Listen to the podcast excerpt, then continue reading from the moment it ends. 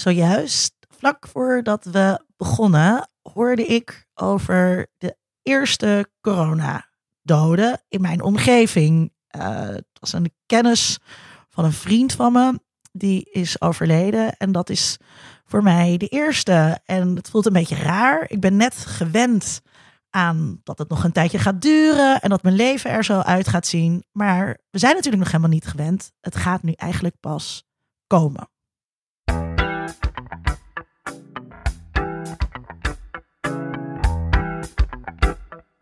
Deze podcast wordt mede mogelijk gemaakt door Code Clear.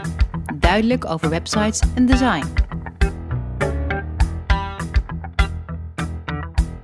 Vanuit Amsterdam is dit Onder Media Doctoren, de podcast waarin communicatiewetenschappers zich verwonderen over de media.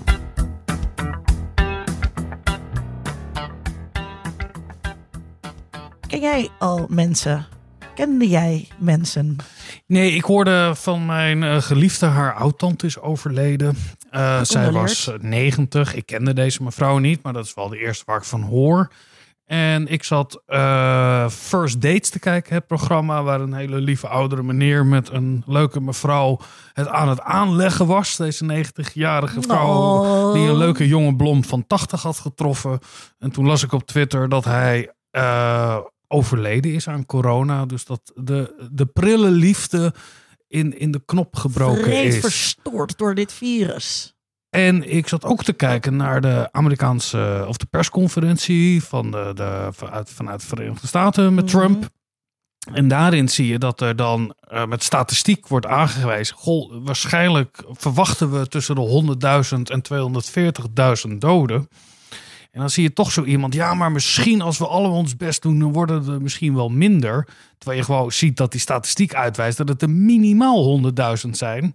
Maar dat valt zo moeilijk te verkopen en kan je ook heel moeilijk je hoofd omheen Heel krijgen. moeilijk om dat uit te leggen aan een peuter. Uh, zeker als Trump daarnaast staat. Maar de Verenigde Staten is de verwachting, als het goed gaat, als iedereen zich aan de maatregelen houdt, dan kunnen we het aantal doden in de Verenigde Staten beperken tussen de 100 en 240.000 doden.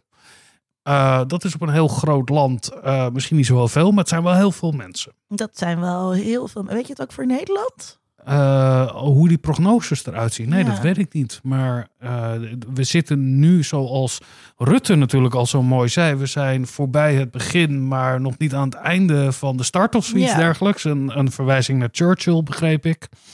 Uh, ja, de, de, de, de grote consequenties gaan nog komen. Die gaan in de komende 10, 14 dagen gaan we daar de piek van zien. Nee, nou, wat we, wat, dat vind ik zo raar. Dat ze pas de piek op de IC verwachten ze pas eind mei. Maar de incubatietijd is twee weken. Ja. En dan vraag ik me toch af, van wie gaan al die mensen het dan krijgen die dan pas in mei ziek gaan worden? Nou, dat, dat zag ik ook een mooi statistiekje over. Dat het aantal mensen dat besmet wordt door iemand die besmet is, echt radicaal naar beneden aan het gaan is. Kan ook bijna niet word je anders. anders besmet als door iemand die besmet is? Uh, ja, nee, maar in, in eerste instantie zie je dat de R heet dat geloof ik De in, R, die, ja. uh, in de virologische terminologie. De We zijn, allemaal, is we, nu- zijn, we zijn allemaal experts die is nu geworden. onder de één. Ja, die is nu onder de 1 en die lag op iets van 2 tot 3 geloof ik. Uh, dus ja, als je iets weet van exponentiële groei, dan zie je als dat Daar onder de ik wel wat 1 van. als het onder de 1 zit, dan zitten we aan de goede kant. Ja, maar dat snap ik allemaal wel. Maar op het moment dat jij maar drie mensen ziet. Ja, En eh, die mensen, dat zijn de mensen die je vanaf, eh, laten we zeggen, 20 maart, de mensen, alleen maar die mensen hebt gezien. Dan kan jij niet, dan zou jij in theorie niet ziek moeten kunnen worden in mei. Nee, en dat begrijp ik er ook nog steeds niet aan. Dat we, ehm, er wordt een relatie gelegd tussen mortaliteit en eh, besmetting. Terwijl volgens mij die mortaliteit over een langere periode precies hetzelfde zal blijven. Want daar heb je geen invloed op. Op het moment dat je nog geen vaccinatie hebt of geen op andere manier het kan voorkomen. eh, dus een medicijn daarvoor. En we naar die 60% besmetting moeten om tot immuniteit te geraken. Dus Het aantal Ja, laten we- doden Vincent, staat maar- eigenlijk al vast, beste Laten we er luisteraar. maar over ophouden. Want dit is natuurlijk niet waarvoor mensen naar deze podcast luisteren. Ja, maar het is wel een te- teken des tijds dat wij om- ons hier zorgen over Om te, maken. zien, om te horen hoe wij proberen grip te krijgen eh, eh, Dat is op, het wel, deze, hè? op deze zaken. Ja, dat is ja, het. Dat het is, het is echt ergens aan vast. Ik snap ook zo goed dat die, die religieuze eh, in Amerika, maar ook in Nederland. Ja, tuurlijk kom je met elkaar bij elkaar. Tuurlijk ga je, als je daarin gelooft dat er een soort predestinatie is.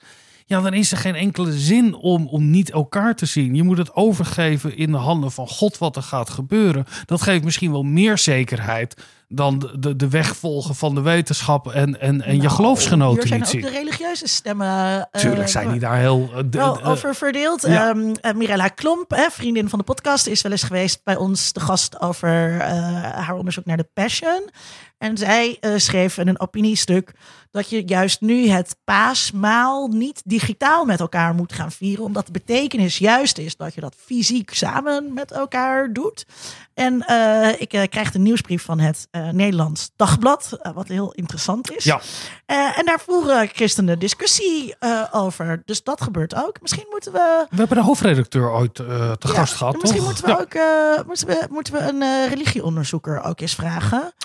Ben jij nou religieonderzoeker en ben je daar, eh, doe je er onderzoek naar, ben je geïnteresseerd? Of ben je gewoon Michela, Mirella Klomp? Ja, Luister je dit? Word je wakker en denkt, ik ben Mirella?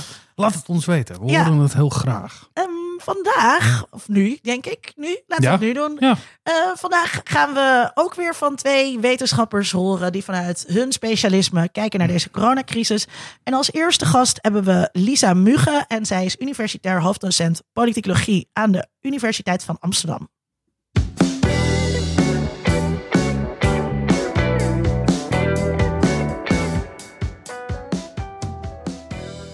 Mijn eh, onderzoek gaat over politieke vertegenwoordiging, diversiteit en ongelijkheid. En met die blik valt op dat de coronacrisis niet voor iedereen op dezelfde manier uitpakt. Verschillende instellingen, organisaties, maar ook activisten en wetenschappers die bewijzen op het belang van een genderlens. En Atria, het Kennisinstituut voor Emancipatie en Vrouwengeschiedenis, zet een aantal dingen op een rijtje die ik eh, vaak heb terugzien komen de afgelopen weken op Twitter en op verschillende internetsites. Het eerste is geweld. Uh, we weten dat in tijden van crisis gendergerelateerd uh, geweld toeneemt. Chinese activisten die wijzen bijvoorbeeld op een dramatische toename van incidenten die gerapporteerd zijn tijdens de quarantaine. En er is vrees dat ook in Nederland huiselijk geweld zal toenemen. Bovendien kunnen vrouwen moeilijker hulp inschakelen als ze thuis zitten en uh, die dader ja, continu aanwezig is. Volgend punt is rolverdeling tussen partners. Deze is in Nederland, uh, ja, dat, dat weten we van, van, van cijfers van het uh, Sociaal Cultureel Planbureau, maar ook van het CBS en de Emancipatiemonitor, dat in heteroseksuele stellen met kinderen de rolverdeling nog steeds heel traditioneel is. En de kans is groot dat de extra zorgtaken en het thuisonderwijs worden opgevangen door degene die ja, toch al het meeste van die onbetaalde zorg deden, dus vrouwen. Uh, maar Adria die wijst ook op kansen, bijvoorbeeld mannen van vrouwen met zo'n uh, een cruciaal beroep. Um, die, zoals de zorg, die nu overuren draaien, die kunnen een inhaalslag maken thuis. Maar ja, dan is wel de vraag van hoe zit het nou eigenlijk met alleenstaande ouders? Hoe worden die getroffen nu? Iets anders zijn uh, cruciale, oftewel vitale beroepen. Vrouwen zijn oververtegenwoordigd in de zogenaamde frontlinie van uh, zorgverleners. Atria stelt dat maar liefst twee derde van die beroepen in, in, de zorg, het onderwijs en ook de schoonmaakbranche wordt vervuld door vrouwen. Het is niet alleen in Nederland zo, in heel Europa zijn het vooral vrouwen die de zorg draaien. En dit zijn nou ook net de beroepen die onderbetaald en ondergewaardeerd zijn. Dus uh, hier ligt wel een kans voor het opwaarderen van dat soort uh, beroepen. Het European Institute for Gender Equality noemt nog dat een kwart van de werkende vrouwen in Europa in een kwetsbare sector werkt. Dat is een sector waarin ze bijvoorbeeld niet worden doorbetaald of geen betaald verlof krijgen als ze ziek zijn. En ze wijzen er ook op dat vrouwelijke migranten het allerhardst getroffen worden hier. Belangrijk punt is ook dat van inclusieve besluitvorming. We weten uit onderzoek dat vrouwen het minst zichtbaar zijn in besluitvorming tijdens, tijdens een crisis. Een heel mooi voorbeeld daarvan is bijvoorbeeld uh, de White House Coronavirus Task Force. Van de 22 uh, leden zijn maar twee vrouwen. Ja, en hoeveel vrouwen op machtige posities horen wij in Nederland nou eigenlijk over maatregelen met betrekking tot het coronavirus? Het zijn toch vooral de mannen die de besluiten nemen uh, die effect hebben op de levens van alle burgers. Vrouwen die worden dus uitgesloten van beslissingen die hun op een andere manier treft dan, uh, dan mannen. Dus die, die ongelijkheid daar, die blijft wel. Het is natuurlijk niet nieuw, dat weten we al, maar het is wel extra belangrijk om daar nu uh, aandacht voor te hebben. Want we weten uit onderzoek naar politieke vertegenwoordiging dat diversiteit onder politici de kwaliteit van uh, beleid en politiek bevordert. Dat zou perspectieven mee worden genomen die anders over het hoofd worden gezien beleid en maatregelen omtrent het coronavirus uh, moeten dus ook de expliciete, expliciete consequenties meenemen voor vrouwen. En ook denken aan intersecties van uh, gender met ras, etniciteit, sociaal-economische positie, seksualiteit, religie of bijvoorbeeld het hebben van een, uh, van een beperking. Ik zou niet zozeer een nieuw onderzoeksproject willen uitvoeren als ik uh, tijd of budget had. Ik hoop vooral dat het NWO-VIDI-project over politieke vertegenwoordiging van burgers met een migratieachtergrond in Nederland, Duitsland en Frankrijk, dat ik nu heb lopen, niet al te veel vertraging oploopt. We hebben nu deze week een survey-experiment uh, uitstaan in Nederland. We hebben nog geen idee hoe de huidige situatie uh, die data beïnvloedt. We moeten dit ook nog doen in Duitsland en Frankrijk, dus dat is heel spannend. Maar ook als het coronavirus op een gegeven moment onder controle is in Nederland en Europa, zal, zal er nog een tijd periode van crisis zijn. En daarmee neemt ook de kans toe dat ongelijkheden die er al zijn vergroot worden. Uh, mijn Britse collega Sarah Childs die mailde me wel een heel mooi initiatief uh, van een commissie in het Britse parlement die gaat over vrouwen en gelijkheid. En wat zij doen uh, is dat zij, uh, ja, om, om, dus inzicht te krijgen in hoe corona verschillende groepen treft, uh, bewijs verzamelen op basis waarvan de overheid gepaste actie kan ondernemen. Dus elke burger, elke professional of elke organisatie, die kan een ervaring of een, of een observatie delen. Dus dat vind ik echt een heel mooi initiatief. Daar kunnen we een voorbeeld aan nemen. En tenslotte denk ik dat het belangrijk is dat we politici en beleidsmedewerkers uh, ja, het onderzoek dat we hebben en alles dat we al weten, dat we dat ze onder de neus blijven duwen. In december publiceerde ik met Maria Kranendonk en Sarah Runderkamp een essay voor Binnenlandse Zaken. Het heet Op weg naar een betere MV-balans in politiek en bestuur. Is online uh, te raadplegen. En daarin uh, ja, laten we zien op, bestaand, op basis van bestaand internationaal een nieuw onderzoek naar gemeenteraden waarom diversiteit zo ontzettend belangrijk is voor de politiek. En uh, nou ja, laten we dat vooral uh, in acht nemen. En ik blijf die boodschap herhalen.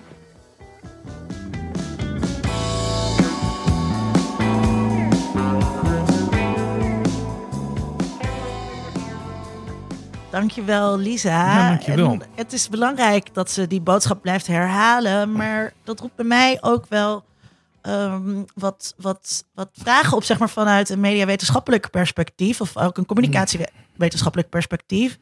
Um, uh, ze had het wel over uh, het huiselijk geweld, wat er uh, wat nu toeneemt, nu um, slachtoffers opgesloten zitten met hun daders.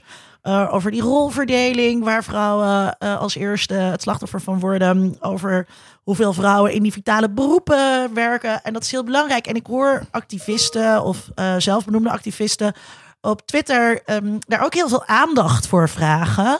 En um, ik denk. Dus dan, en dan gaat dat vaak via, via het vermeende of het veronderstelde mechanisme. Bewustwording zorgt voor gedragsverandering. Maar ik geloof dat dat is hier absoluut niet van toepassing is. Er is natuurlijk geen enkele dader die op Twitter dit leest en daarin zichzelf herkent en denkt: ik moet wat liever zijn voor uh, mijn slachtoffer. En zelfs in het geval van die rolverdeling. Ehm, eh, het gaat juist om, die rolverdeling gaat vaak om heel onbewuste processen die er gaande zijn. Eh, de, de reden dat jouw geliefde nu staat te bakken. nee, dat is Voor, nou zeg, ik heb hier eh, zelf mijn worteltaart in elkaar Nee, gedraaid. dat was, een, dat was een grapje. Nee, maar, Maar- dus, mag ik nemen om het even Ja. af te maken? Dus die, dat gaat heel vaak als onbewuste eh, processen. Dus eh, we weten uit onderzoek bijvoorbeeld van ehm, eh, partners voordat zij hun eerste kind krijgen, die, die geïnterviewd zijn voordat ze hun eerste kind krijgen. En vervolgens een periode nadat het kind er was. En dan zie je dat ze voordat dat kind geboren wordt, allemaal fantastische intenties hebben. Maar daarna slipt het door op een gegeven moment eh, toch, eh, toch in zo'n rolverdeling. Dus dit zijn geen dingen waarbij bewustwording van toepassing is. Dus hebben we er iets aan om. Ehm, het is heel goed om het aan te kaarten en, en het te weten. Maar, maar hebben we er ook iets, hebben we iets aan die bewustwording via Twitter of sociale media? Ik, wat mij opvalt is dat jij het in termen giet van dader en slachtofferschap. En ik denk zeker in- op zoiets banaals als, als taak. Huiselijk geweld dan, hè? Die Nee, rolverdeling. Dat, eh, Ja, die, nee, in, ik wil het hebben over die rolverdeling in het huishouden. Eh, ik geloof niet dat daar een heel duidelijk dader-slachtoffer eh, over huiselijk profielen zijn. geweld. Ja, een huiselijk geweld is wel degelijk een dader en slachtoffer. Ja. En ja, het, het is een hele logische redenering. Huiselijk geweld, dat doe je thuis. En als je heel veel thuis bent, is er meer huiselijk geweld als dat er is. Dus deze situatie creëert dat niet. Het vergroot het op het Ja, maar moment dat het er is. Of die bewustwording daartoe helpt. Nee, dat denk ik niet. Ik denk ook niet dat een dader in dit geval bij huiselijk geweld eh, een, een, een, Wat ik net een- zei. ja, laat me uitspreken. Misschien is dat ook leuk voor de. Nee, Krijg ik straks weer klappen, beste eh, ja, dan krijg je, dat doen we altijd na de opname. Maak er maar grapjes over. Op het moment als je bewustwording. Natuurlijk leidt bewustwording niet tot ander gedrag. Als je controle hebt over je eigen gedragingen. Ik denk dat een, een dader van huiselijk geweld niet ervoor kiest om een dader te zijn van huiselijk geweld. Dus als je er bewust van wordt dat jij wel een dader bent van huiselijk geweld, dan zal je dat. eh, eh, ja, ik geloof niet dat dat iets oplost. Je zal niet je gedrag Nee. daardoor Maar veranderen. bij die rolverdeling, denk je dat dat uitmaakt? Nou, ik denk dat de rolverdeling een andere discussie is. Wat ik om me heen zie, is dat eh, vrouwen net zoveel aanjager zijn van dat soort traditionele rolverdelingen dan dat mannen dat zijn. Dat, Eh, dat is niet, eh, staat niet ter discussie. nee, dus ik denk dat we op het moment dat we nu allemaal thuis zitten, dat soort dingen versterkt worden. Er zijn twee dingen die ik. Eh, die zij ook heb je nu alle- geen antwoord gegeven op mijn mijmering. Wat, wat, Wat we dan moeten met eh, zoveel mensen die het, die het belangrijk vinden om dit te blijven herhalen op eh, sociale media. Wat doet dat? Nou ja, in ieder geval een morele superieur gevoel door het te melden. Dat jij dat wel weet. Dat is natuurlijk al heel bevredigend om te zeggen dat je aan de goede kant van, van de zaak staat en van de geschiedenis. Nee, ik denk niet dat dat eh, grote veranderingen door. eh, zal het eh, leiden? Zijn er, zijn er dan beleidsmakers die dit lezen of die onderzoek lezen wat er gedaan wordt naar dit soort cijfers? En op basis daarvan dan nu meer urgentie hierop zullen gaan voelen? Dat denk ik ook niet. Ik denk dat huiselijk geweld of geweld in zijn algemeenheid een, een gegeven is dat er altijd zal zijn. En op, als je mensen in een bepaalde ruimte langdurig bij elkaar zet, dan is de kans op geweld heel groot. Eh, dat zit in de menselijke aard. Dat is iets waar we eh, niet moeten accepteren en wat je altijd weer moet aankaarten en wat je tracht te verbeteren. Maar ik, ik, ja, ik zie eigenlijk, er liggen hele andere oorzaken aan ten grondslag dan alleen maar genderverhoudingen, dan alleen maar opvoeding, dan alleen maar bewustwording. eh, waar we hiermee te maken hebben. Ja, ehm, eh, obviously. Eh, maar ik, ik vind het dus wel. het, het fascineert me dus heel erg, omdat dit wel echt een thema was wat ik voortdurend terug zag komen. Net als dat we er ook heel erg stil bij moeten staan. Dat mensen met een handicap altijd al liever thuis wilden werken. En dat vroeger steeds, of dat kon, maar dat kon niet. Dat is ook een boodschap die ik op Twitter te- steeds zie terugkomen. Ja, En- jij ziet dat meer dan ik, maar ik jij volgt dus ook heel erg andere mensen. Wat het doet. En eh, er is wel interessant nu, want er wordt zo weinig, er wordt zo weinig in oplossingen gedacht.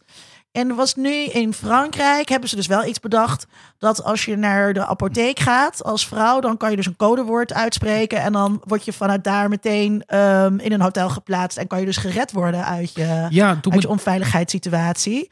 En dat vind ik heel interessant. ja, En, maar ik zie dus heel weinig mensen deze, deze crisis aangrijpen om tot zulke best practices te komen. Ja, jouw voorbeeld doet me denken aan dat je in een kroeg een bepaald drankje bestelt. Je eh, vraagt naar Angela ja, als jij op een eh, vervelende date bent of door Precies. iemand lastig gevallen wordt. Ja, het is verschrikkelijk natuurlijk dat dat, dat dat je uitweg is. Dat je dat niet op een eh, Ja. eh, andere manier kan, eh, kan oplossen. Ehm, dat ligt overigens niet aan de vrouw, hè. even voor de duidelijkheid. Dat dat in sommige situaties zo is. Maar dat je in deze tijden uitvergrotingen krijgt van sociale relaties in de good en de bad. Ja. Ja, dat geloof ik wel. Er is een ander punt van, van, van Lisa wat ik graag wil aanhalen, waar ik wel anders over ben gaan nadenken.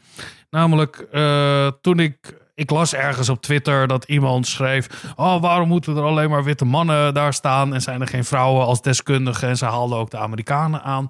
En mijn eerste reactie uit de ruggengraat was: Oh, belachelijk, daar hebben we nu geen tijd voor. En laten we gewoon de beste mensen op de beste plek hebben. Dat was mijn initiële reactie. Toen ik er later zat na te denken, zat ik te denken, ja, waarom is het toch zo dat we dit soort waarden, weet je wel, de gelijkheid, diversiteit, dat, dat gaat binnen een dag letterlijk, gaat het eh, down the drain bijna. Dat vinden we dus niet meer belangrijk. Eh, want nu is er iets anders aan de hand. We hebben hier nu geen tijd voor. Er is nu een crisis, er is een Nee, je hebt pandemie. het ook over gehad in een eerdere aflevering. Ja, en, en, en dat heeft me wel op een. Toen zei ik ook iets anders volgens mij in die aflevering. Ik vind dat eigenlijk. Opletten. wel- Archivarissen ja, ik, ik, opletten. ik, ik vind dat heel erg typerend dat we dit soort dingen dan toch makkelijker opzij schuiven en wel ons moeten blijven afvragen. Waarom is het dat daar eh, eh, witte mannen staan als deskundigen? Eh, zijn, die, zijn er geen andersoortige mensen die iets anders vertegenwoordigen erin? Vrouw, van kleur, whatever. Eh, dit typeert vooral het probleem. En het is niet zozeer dat we nu een oplossing hebben door er even niet meer over na te denken. En ehm, goed dat je van mening bent veranderd. En wat is het, denk je, dat je van die mening heeft doen veranderen? dat het zo snel gaat, zo makkelijk gaat. Dat we eh, de, Ja. eh, het, het, het doel om naar een. Ik ben, ik ben voor een diverse samenleving in alle facetten, omdat dat beter is. Eh, het functioneert beter. Je bent, ja, dus, dus ik vind er eh, gewoon een, een, een doelstelling in zitten die gaat over kwaliteit. Eh, helemaal niet goede tierendheid. Of dat ik als witte hetero man iemand anders ook iets gun. Het is geen ontwikkelingshulp. Maar eh, een samenleving wordt er beter van. Dat als je ziet op het moment dat een crisis is, er alleen nog maar witte mensen naar boven komen. Of eh, in dit geval witte mannen van middelbare leeftijd. Gelukkig zijn er mooie uitzonderingen hoor. Eh, dat, dat je ziet, ja, als we dat al binnen een dag opzij kunnen schuiven. Terwijl andere waarden waar heel erg aan hechten. Zoals? eh, leiderschap, waar het nu heel erg over gaat. Ik hoor heel veel dat Rutte eh, bijna op een presidentiële wijze dat kan doen. Dat, he- dat is ook een gegenderd perspectief over wat leiderschap is in deze tijd. Schijnbaar is het zo dat je ten tijde van een pandemie graag een, een, een, een, witte man van middelbare leeftijd daar ziet staan. Dat zegt iets over onze cultuur. Eh, terwijl we, als we wereldwijd kijken naar Trump en Bolsonaro of eh, in Hongarije, wat dan ook, zijn er ook hele goede voorbeelden waar je moet denken: je moet geen witte mannen eh, eh, daar hebben. Deze mensen zijn niet zo omdat ze een witte man zijn. Ik ben dat ook. Maar dat het beeld wat naar voren komt herbevestigd wordt. En ik hoef jou dat niet uit te leggen. Maar de herarticulatie over leiderschap die nu weer naar voren komt, zet ons weer drie stappen terug. Ja, dus wat je eigenlijk zegt is dat... ehm, Wat ik eigenlijk zeg, heb ik net gezegd. Ja, maar dat, dus dat, dat, eh, eh, dat het een beetje mooi weer genderbeleid eh, is. Dat ja, als in alles goede goed tijden gaat, willen we, tuurlijk, hè, dan gaan we ook nadenken over mensen van kleur of in andere variaties die we graag in die diversiteit willen Ja. hebben. Maar als het echt even, als de poep de ventilator raakt, dan moeten we weer terug naar de, de dingen waar we echt op kunnen vertrouwen. Terugval is het steeds, ja. Waardoor diversiteit als een soort nice to have is en niet een need to have. Het is leuk om erbij te hebben. Uh, maar dan is het dus wel belangrijk om continu op Twitter hierop te blijven hameren, zodat we dat niet vergeten. Blijven constateren dat het is, daar ben ik helemaal niet zo tegen, zonder in een klaag- of jankverhaal terecht dus te komen. dan is het ook niet erg dat we blijven twitteren over huiselijk geweldcijfers. Dat ik, het, het, ja, ik denk dat het, ja, ja, doe dat maar gewoon en blijven benoemen waar nog, uh, waar dingen anders moeten. En in, in, het is al heel vaak gezegd dat in een crisis komen eigenlijk de weeffouten van een samenleving heel duidelijk naar boven. Of we het nou willen hebben over het, het, het hyperkapitalisme uh, uh, wat we hebben, over hoe we aan mondkapjes komen. Waarom moeten die met miljoenen voor nul cent uit China dus komen, tot aan dit soort dingen. Ja, maar het is dus ook de verleiding. We moeten niet in die valkuil trappen van uh, die Jeroen de Kloet schetste in aflevering 3, als ik het goed heb. Dat we dus zo heel groot willen, willen gaan. En dan moeten we nieuw. We kunnen niet na, uit de crisis komen en nog steeds het kapitalisme hebben. Of we kunnen niet uit de crisis komen en nog steeds het patriarchaat maar hebben. ook niet andersom. Niet de dingen waar we die, die speelden over diversiteit in de samenleving, dat we die nu weer in, in, in, in, in de ijskast zetten. Volgens mij is het dan belangrijker dat we uh, ons bewust zijn dat het dus een terugval is. Ja. En dat uh, uh, er helemaal geen, geen dat, het, dat het idioot is om te gaan fantaseren over een postkapitalistische wereld of een postgender wereld na corona. Nee, de kans is veel groter dat we een kuttere kapitalisme krijgen en een nog kutter patriarchaat, omdat we terugvallen op die sterke mannelijke leiders bijvoorbeeld, omdat we terugvallen omdat er nu meer vrouwen dan voorheen door een man geslagen worden. He, dat, we, dat het dus allemaal, we komen er slechter uit. En daarom moeten we er aandacht voor vragen. Zodat we die terugval misschien wat dempen. Nee, er zijn ook, ja, er zijn ook, posit curve. er zijn ook positieve dingen. We weten dat vrouwen natuurlijk veel meer in wat wij nu de vitale beroepen zijn. Uh, ja, dat vertelde Lisa net. Ja, ja dus dat, dat, maar dat is dan ja. positief aan. Die zijn zich nu helemaal... Op, nee, maar dan zien we tenminste welke mensen er echt toe doen in de samenleving ja, qua arbeid. Na, ja, maar dat heeft straks na die crisis, ik bedoel, dan, dan krijgen ze dan allemaal een bloemetje en dat is het. Je gelooft toch niet echt dat de lonen omhoog gaan in de zorg? Nou, ik denk, ik zou graag de CAO-onderhandelingen doen namens de zorgsector ergens in november. Dat lijkt mij een veel prettigere positie dan een jaar geleden ander onderwerp. Laten we naar iets vrolijks gaan. Ja. We gaan naar RTV Oost, waar onze redacteur Marijn Joop werkt. En hij maakte voor ons een reportage. Goedemorgen, RTV Focus met uh, Christine Spinder. Uh, we zijn uh, bezig met een nieuwsitem voor de stad. Christine Spinder is hoofdredacteur van de Stadszender van Zwolle. Wat is volgens haar het belang van de lokale journalistiek in deze tijden van crisis? Het belang van de lokale ja, uh, nieuwsvoorziening is gewoon dus mensen uh, bijpraten over het landelijke nieuws wat raakvlakken heeft op uh, ja, lokaal gebied. Maar er zijn ook gewoon veel meer dingen die gewoon spelen. Je wilt gewoon ook dat um, ja, er bepaalde saamhorigheid ontstaat, dat er verbinding is. En dat kun je dus als sociaal medium kun je daar ook een heel goed. Ja, heb je daar ook echt een aspect in waar je wat in kunt betekenen. En dan zie je dus als zender juist dat je als platform echt gewoon fungeert voor ja, sociale cohesie, om het zo maar te zeggen. Wat voor gevolgen hebben de maatregelen tegen het coronavirus op deze omroep? Nou ja, goed, we hebben nadat zeg maar, de eerste maatregelen een week of twee, drie geleden genomen zijn, uh, hebben we ons even achter de oren gekrabbeld. Oké, okay, dat betekent ook best wel heel veel voor onze eigen organisatie. Wat er echt veranderd is, is dat er um, veel, meer, uh, of veel minder video wordt gedaan omdat het uh, juist in deze periode gewoon lastiger is. Er zijn natuurlijk minder evenementen. En dat er gewoon meer radio wordt gedaan. Ja, en van het lokale nieuws gaan we naar een lokale artiest. Uh, iedere week zetten wij een uh, lokale Martin van der Hoofd is coördinator radio bij RTV Focus. Ik sprak hem even tussen de bedrijven door. Toppepper van de week. En deze week is de, de toppepper voor Hans van der Werf met een godgegeven mooie dag. Martin, kan ik jou heel even een, uh, een kort vraagje stellen terwijl uh, deze plaat draait? Ja, ja, als die maar afgelopen is, hoort dat de plaat is afgelopen. Ja.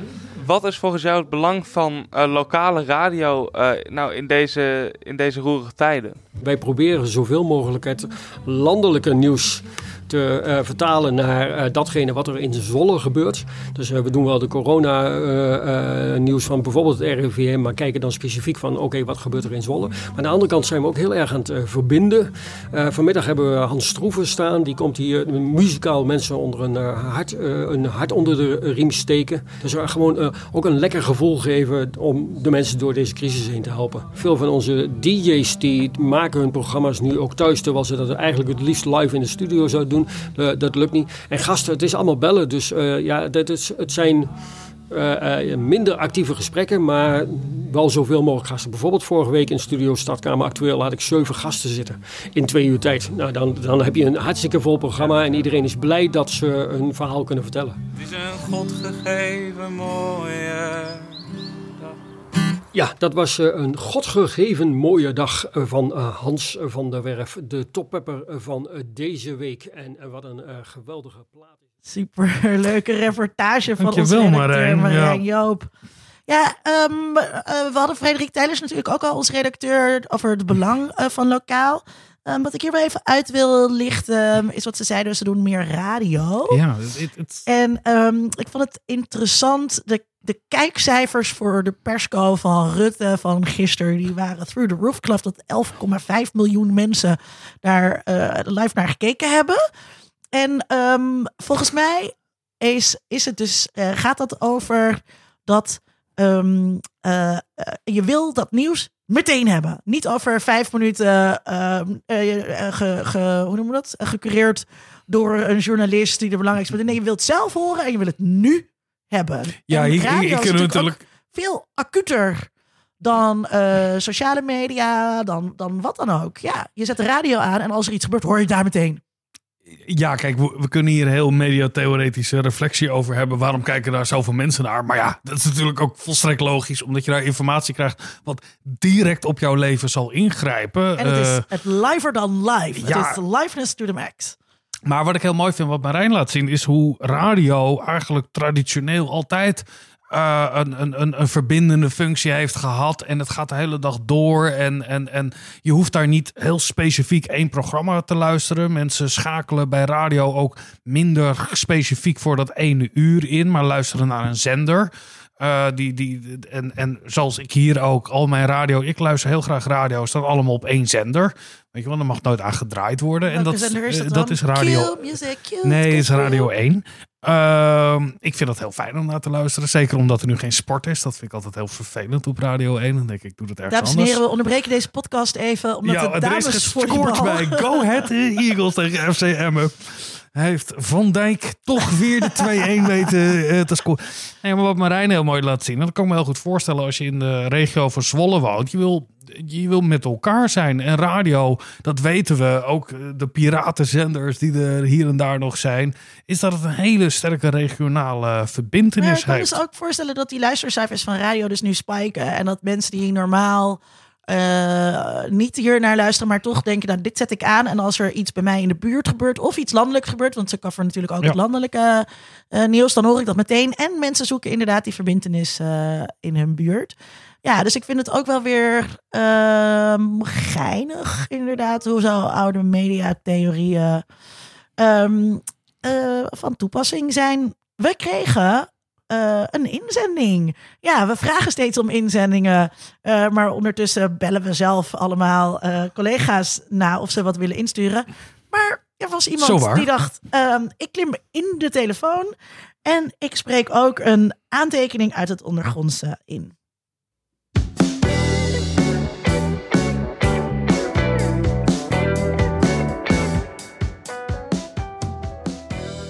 Hoi, mijn naam is Jolene Blom en ik ben een promovenda bij het Center for Computer Games Research aan de IT Universiteit in Kopenhagen. Ik schreef daar mijn proefschrift over Dynamic Game Characters in a Character Ecology. Wij zitten inmiddels in Denemarken al zo'n 2,5 week in lockdown. En het is voor mij nog nooit zo makkelijk geweest om aan te tonen hoe belangrijk media entertainment wel niet is. Ik focus me daarmee vooral op games. Om dan maar een voorbeeld te geven, ik las net um, dat de World Health Organization die excessief gamen uh, onlangs als een verslaving heeft geclassificeerd. Maar zij willen nu juist dat mensen gaan gamen zodat ze binnen blijven. En dit doen ze dan onder de hashtag Play Apart Together, waarmee ze dan social distancing proberen te bevorderen. Een spel dat hierbij met name opvalt is Animal Crossing New Horizons. En dat is op 20 maart vorige week voor de Nintendo Switch game console uitgekomen. De makers van dit spel, Hisashi Nogami en Aya Kyogoku, zeiden dat ze hoopten dat dit spel een soort van ontsnapping van de huidige situatie kan bieden. En in Japan verkocht het spel binnen drie dagen bijna 2 miljoen exemplaren. En stond ook binnen die dagen als best verkochte game op de Nintendo eShop ranglijsten wereldwijd. En dat spel is dus immens populair. Nou, Animal Crossing is een simulatiespel dat tot een serie behoort die nu zo'n 20 jaar oud is. En in dit spel uh, wordt de speler gedropt op een onbewoond eiland met een aantal non-playable characters. En de speler kan van alles doen: uh, diens huisje upgraden, het eiland aanpassen, meubeltjes maken, vlinders vangen, noem het maar op. En het spel uh, schetst een heel idealistisch plaatje van het leven op een eiland. Het spel uh, bevordert sociaal spelen of social gaming op een aantal manieren. Spelers kunnen lokaal op één eiland spelen, uh, maar dat is van, uh, voor de meeste van ons op dit moment niet echt weggelegd. Een andere manier is om vooral online met dit spel om te gaan. De meeste spelers, zoals ik bijvoorbeeld, die doen dat door bij elkaars eilandje online op bezoek te gaan, elkaar brieven met virtuele cadeautjes op te sturen, dat, waar dan bijvoorbeeld meubels in zitten of fruit, dat op jouw eiland beschikbaar is en niet op dat van een ander. En op sociale media zie je heel wat andere vormen van social gaming ontstaan. Vooral uh, Twitter is hier erg uh, belangrijk, omdat de Switch-console uh, daarmee makkelijk te koppelen is. En voor zover ik kan zien in mijn eigen Twitter-bubbeltje, kun je deze vormen van social gaming in grofweg drie categorieën opdelen. De eerste is dat spelers hun voortgang delen in het spel met elkaar. Dus vooral spelers die uh, dan time travelen, vallen hiermee op. En time travel is dan een vorm van vals spelen. Want het spel loopt tegelijkertijd met de datum en de tijd van de gameconsole. En als spelers die dan aanpassen, kunnen ze veel sneller allerlei items en mechanics in het spel unlocken. En op deze manier proberen ze dan een zo'n perfect en idealistisch mogelijk huisje en eilandje te creëren. En delen dit dan vervolgens op Twitter met andere spelers. En niet iedere speler die dit, vind, die dit ziet, vindt dat zo leuk. Want het spoilt op die manier ook wat je gaat krijgen. Nu denk ik wel dat dit um, sowieso gebeurd zou zijn, met of zonder uh, coronavirus. Maar dat het nu nog intensiever is dan voorheen, omdat heel veel mensen gewoon thuis niks anders te doen hebben. Uh, een andere is uh, een versie die ik maar één keer voorbij heb zien komen. En sommige spelers komen namelijk samen online op een eiland om met de mechanics van het spel te protesteren. Degene die ik zag was tegen de Franse, de Franse president Macron door de gele hesjesbeweging. En het spel heeft een design-app waar de meeste spelers kleding of um, bordjes of paintings en dergelijke mee kan maken. Maar hier uh, maakten ze via die design-app, ontwierpen ze bordjes of downloaden ze de gezicht, het gezicht van Macron naar die bordjes en die zetten dat dan neer. Dit ze, dan, ze typen vervolgens dan tekst in het spel en maken dan een screenshot daarvan en delen die er vervolgens dan op Twitter, zodat iedereen dat protest kan zien. De laatste vorm van social gaming die ik op Twitter zag is wat je een game in een game kunt noemen. En spelers komen dus dan weer bij elkaar online op een eiland en creëren met de items van uh, het spel weer een ander spel die ze dan vervolgens spelen. Bijvoorbeeld het account Black Girl Gamers maakte een soort ganzenbordspel en streamde dat dan vervolgens live, zodat andere kijkers van hun dat dan weer kunnen zien. Al deze vormen samen van, van social gaming uh, met Animal Crossing kunnen we détournement noemen. En dat is een Franse term die hermix-praktijken aangeeft uh, van, van een origineel werk. Door de Wallonische gameonderzoeker Fanny Barnabé wordt dit gebruikt in een game-context om aan te geven hoe spelers met een origineel speel, spel dan weer iets anders maken. En dit tournement wordt in dit spel dan in voornamelijk deze tijd gebruikt om toch met elkaar op een bepaalde manier om te kunnen blijven gaan. En als het ons dan niet fysiek lukt, dan gaan we maar online. En spellen zoals Animal Crossing zorgen er dan voor dat deze social gaming op hele interessante manieren gebeurt. En dat kunnen we dan inderdaad hè, hashtag play a part together noemen.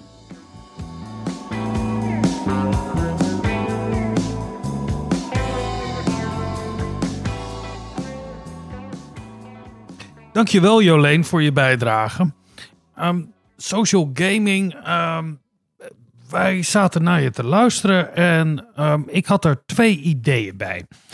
Allereerst, ja, uiteraard. eh, in dit soort gameomgevingen gaan we dingen doen die we ook in het, eh, in het echte leven doen. En het onderscheid tussen het echte leven en een gameomgeving, eh, daar is ook heel veel kritiek op. Want het is natuurlijk eigenlijk ook het echte leven. Toch bekruipt me ook het gevoel wat ik ooit had bij eh, de opkomst van Second Life. Hè. We zouden allemaal in die virtuele omgeving komen. Je zou daar ook je bankzaken kunnen doen. Ik werkte toen aan de UvA, die had ook een dependance in Second Life. Dat hele Ja, de idee UvA van Life. eh, dat we ook een leven hebben in een virtuele omgeving. Dat misschien wel net zo waardevol of net zoveel eh betekenis heeft als eh, d- d- daarbuiten. Ehm, ik heb het, dat wat je beschrijft. Ja, ik geloof heel erg dat dat voor heel veel mensen De- heel belangrijk de, is. De misvatting bij Second Life was dat we allemaal in Second Life gingen. Ja. En dat is natuurlijk niet zo, want eh, niet iedereen gamet.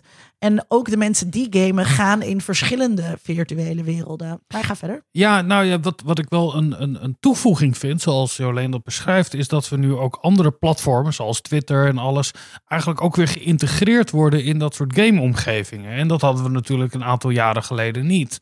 Dus dat wat virtueel is, of daar ergens plaatsvindt, dat het ook weer in een gameomgeving, die vermenging die plaatsvindt, waarin geolocatie er niet meer toe doet en de maakbaarheid daarvan. Eh, ja, ik, ik, ik kan me heel goed voorstellen dat in deze tijden dat voor mensen eh, een heel blij gevoel geeft dat je ergens naartoe kunt gaan. Ook al zit je in je eigen huis. Dat dat in quarantaine zijn minder erg wordt op het moment dat je ook op virtueel op andere plekken wel kan zijn en mensen kan ontmoeten. Ehm, Ja, dus, eh, dus dat je. Kijk, het is natuurlijk op Twitter praten we over alles. Eh, dus ehm, ik ben begonnen aan seizoen 3 van Ozark. Dus dan zeg ik daar wat over. En dan, en dan raak ik in een gesprek verzeild over ehm, Ozark. Ehm, ik ben geïnteresseerd, etnografisch gezien geïnteresseerd in wat voor andere gesprekken dat zijn dan eh, de casual gesprekken die we, die we face-to-face daarover voeren. En of die gesprekken ook iets anders eh, doen. En ehm, eh, daarin zie je, denk ik, wat Jolene ook zegt. Hè, dus eigenlijk alle dingen die we in het echte leven doen, in het fysieke leven, die gaan we ook in zo'n online game wereld doen. En over alle media kletsen we. Dus dat gaan we dan ook in allerlei andere online kanalen doen. Ik vond nog wel opmerkelijk wat ze zei dat de World Health Organization eerst dus eh, met gameverslaving aan kan zetten. Wat geen ding is. Hè. Ik bedoel, mensen proberen dat de hele tijd aan te tonen. Eh, er zijn steeds psychologen die dat in de DSM willen hebben. En dat, dat lukt ehm, niet. Jeroen en Patty. Eh, Jeroen, wat, maar ehm, eh, nou ja, daar zijn zij zelf ook heel duidelijk op teruggekomen. Ehm, en er zijn heel veel organisaties die er belang bij hebben dat iets gameverslaving heeft. Nou ja, dat is kan je ook een heel eh, kan je ook eind, eindeloze uitzending afmaken. Ehm, maar dat vervolgens diezelfde World Health Organization dan gaat oproepen eh, om nu vooral wel eh, eh, te gamen. Ja, dat, dat get, your, get your message straight. Ja, het doet me heel erg denken aan, aan in Zuid-Thailand heeft de overheid ooit bedacht, laten we gewoon heel veel televisietoestellen naar de mensen brengen. Want dan gaan ze niet meer terroristische aanslagen plegen. Ehm, nou, dat gebeurde ook niet meer, maar we kregen er wel een gokprobleem voor in de plaats. Hè? Dat, dat, ja, tuurlijk is het mediagebruik uh, bepaalt ook weer wat we waardevol vinden met elkaar.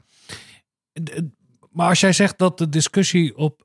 Ben jij, nou laat ik het zo zeggen, jouw persona op Twitter is een andere dan in real life. Ja, net als dat mijn persona in Stardew Valley een andere is dan in real life. De, dus in Stardew Valley sta ik elke dag om zes uur op. Uh, ja, om Plantjes water geven, koeien melken. Ja, want dat, dat vind ik altijd. Dat, er zit in dit soort onderzoek, zoals Jolene dat beschrijft, zit een soort veronderstelling dat er een vertaling zit van, van, van het zelf. Ook in dat soort online omgevingen. Wat een soort duidelijke relatie heeft ook met daarbuiten. En dat het allemaal zich met elkaar vermengt. Ben ik heel helder? Ik denk het wel. Ehm, terwijl ik denk dat juist in bepaalde omgevingen, door de medium-specifieke eigenschappen daarvan, Ja. eh, je ook eh, eh, heel anders kan zijn dan je echt bent. Nou ja, kijk, er was natuurlijk in de beginjaren of midden jaren negentig de, hoop dat als we allemaal geen lichamen meer hadden in de virtuele wereld, dat we dan allemaal gendervrij en etniciteitvrij waren. En dat is ook een van de redenen waarom Judith Butler's gender als een performance. Eh, dat soort ideeën zo populair zijn geworden. Dankzij die opkomst van het internet en eh, virtuele gamewerelden. En we hebben gewoon gezien dat dat niet zo is. Dus als witte mannen kunnen, dan kiezen ze een witte mannen AVA eh, voor hun gamewereld. Dus het hangt precies wat jij zegt. Het hangt heel erg af van de affordances. Hè, de Ja. mogelijkheden die zo'n game je biedt. En wat je en wie je kunt zijn. En in Stardew Valley moet je eigenlijk wel vroeg opstaan. Dat is, dat is de aard van het spel. En eh, het, is, het is denk ik ehm, eh, interessant. Een interessante vraag zou denk ik zijn. Ga je anders gamen tijdens deze crisis dan dat je eh, normaal doet? Ja, twee dingen. Ik, ik bedacht me even een leuke anekdote. Ik weet dat ik voor het eerst in een chatbox zat. En na een minuut had nog niemand aan mij gevraagd: Hey, hallo, wie ben jij? Dat was na één minuut waarop ik besloot om te zeggen eh, woorden van gelijke strekking als jullie zijn allemaal klootzakken. Om te kijken of iemand ook daadwerkelijk. Ik wist niet of het werkte. Dat je ook gezien werd onder jouw eh, gebruikersnaam. En dat je een reactie kreeg. Weet je wel, dat, dat het is ook een soort affordance dat je die erkenning hebt. Ik zie wel heel veel omroep. eh, jij zegt mensen gamen nu anders. Ik zie dat wel heel veel. af. Ja, maar mensen eh, heel veel oproep. Dit is een moment dat ik die, die wel Anne Karenina ga lezen. Eh, ofwel die, die, die cyclus, de, de, de, de, de, de, de Godfather nog eens een keer helemaal Ja. ga bekijken. Want ik heb er nu tijd voor. Of die moeilijke klassiekers. Maar waarschijnlijk ook bepaalde games. eh, kan ik kan ik eindelijk Red Dead Redemption uitspelen? Ja, ja dus ja, ik denk wel dat ons mediagebruik een andere nu is geworden. Omdat we gewoon meer ruimte en tijd hebben. Maar dat betwijfel ik. En ik denk ook hier moet je dus niet al te groots eh, willen gaan. Bedoel, het is voor heel er veel zijn, mensen. laat ik het an- even anders zeggen. Er zijn mensen die nu meer tijd hebben. maar het dat is is voor niet heel dat... veel mensen al een hele klus om zich aan te kleden eh, elke dag. En niet vergeten te douchen. Ja, Ja, nee, ik heb het hartstikke druk met mijn werk. Ik, Precies. ik eh, maak eh, net zoveel uren als normaal. Dus dat is niet dat ik, ik heel veel tijd over heb. meer uren dan normaal. Omdat ja, een, een, een cursus die ik eerst gewoon in real life deed. Ja, dan kijk ik nog even naar mijn aantekening van vorig jaar. En ik maak wat aanpassingen in de PowerPoint. Ja. En Linda is ready to go. Ja. En nu moet ik dat helemaal omzetten naar de digitale omgeving. Waar ik met breakout groep opdrachten aan de slag moet. En misschien een video van tevoren moet maken. Ik heb net allemaal video's geprobeerd in elkaar te, te, te draaien. Of nou, alle twee.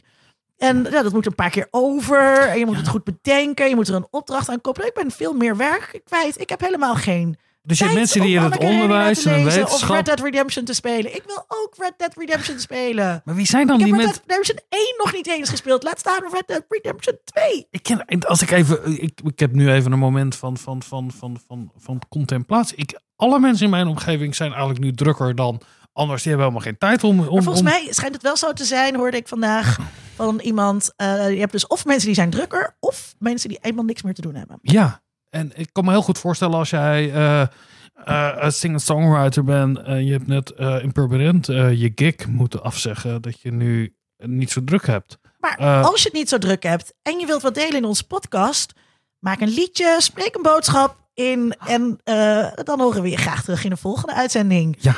Dit was hem weer. We zijn er deze weekend. Dit weekend zijn we er gewoon weer. Dan gaan we het onder andere hebben over complottheorieën. Zullen we Matthijs van List ook nog even bedanken? Ja. Wie is dat eigenlijk? Is dat niet gewoon eh, die Soros? eh, nee, maar, maar, Matthijs heeft zich kenbaar gemaakt op Facebook dat hij echt bestaat. Matthijs, dankjewel. Wees als Matthijs. Ga, eh, word onze Patreon, ook in deze dagen. We weten dat iedereen natuurlijk hartstikke arm is. Maar de overheid heeft 90% Er zijn van je inkomen eh, Er gegarandeerd. zijn Dus ook mensen die rijk worden in deze crisis. Dat kan ook. Ja. Nou ja, tot de volgende keer.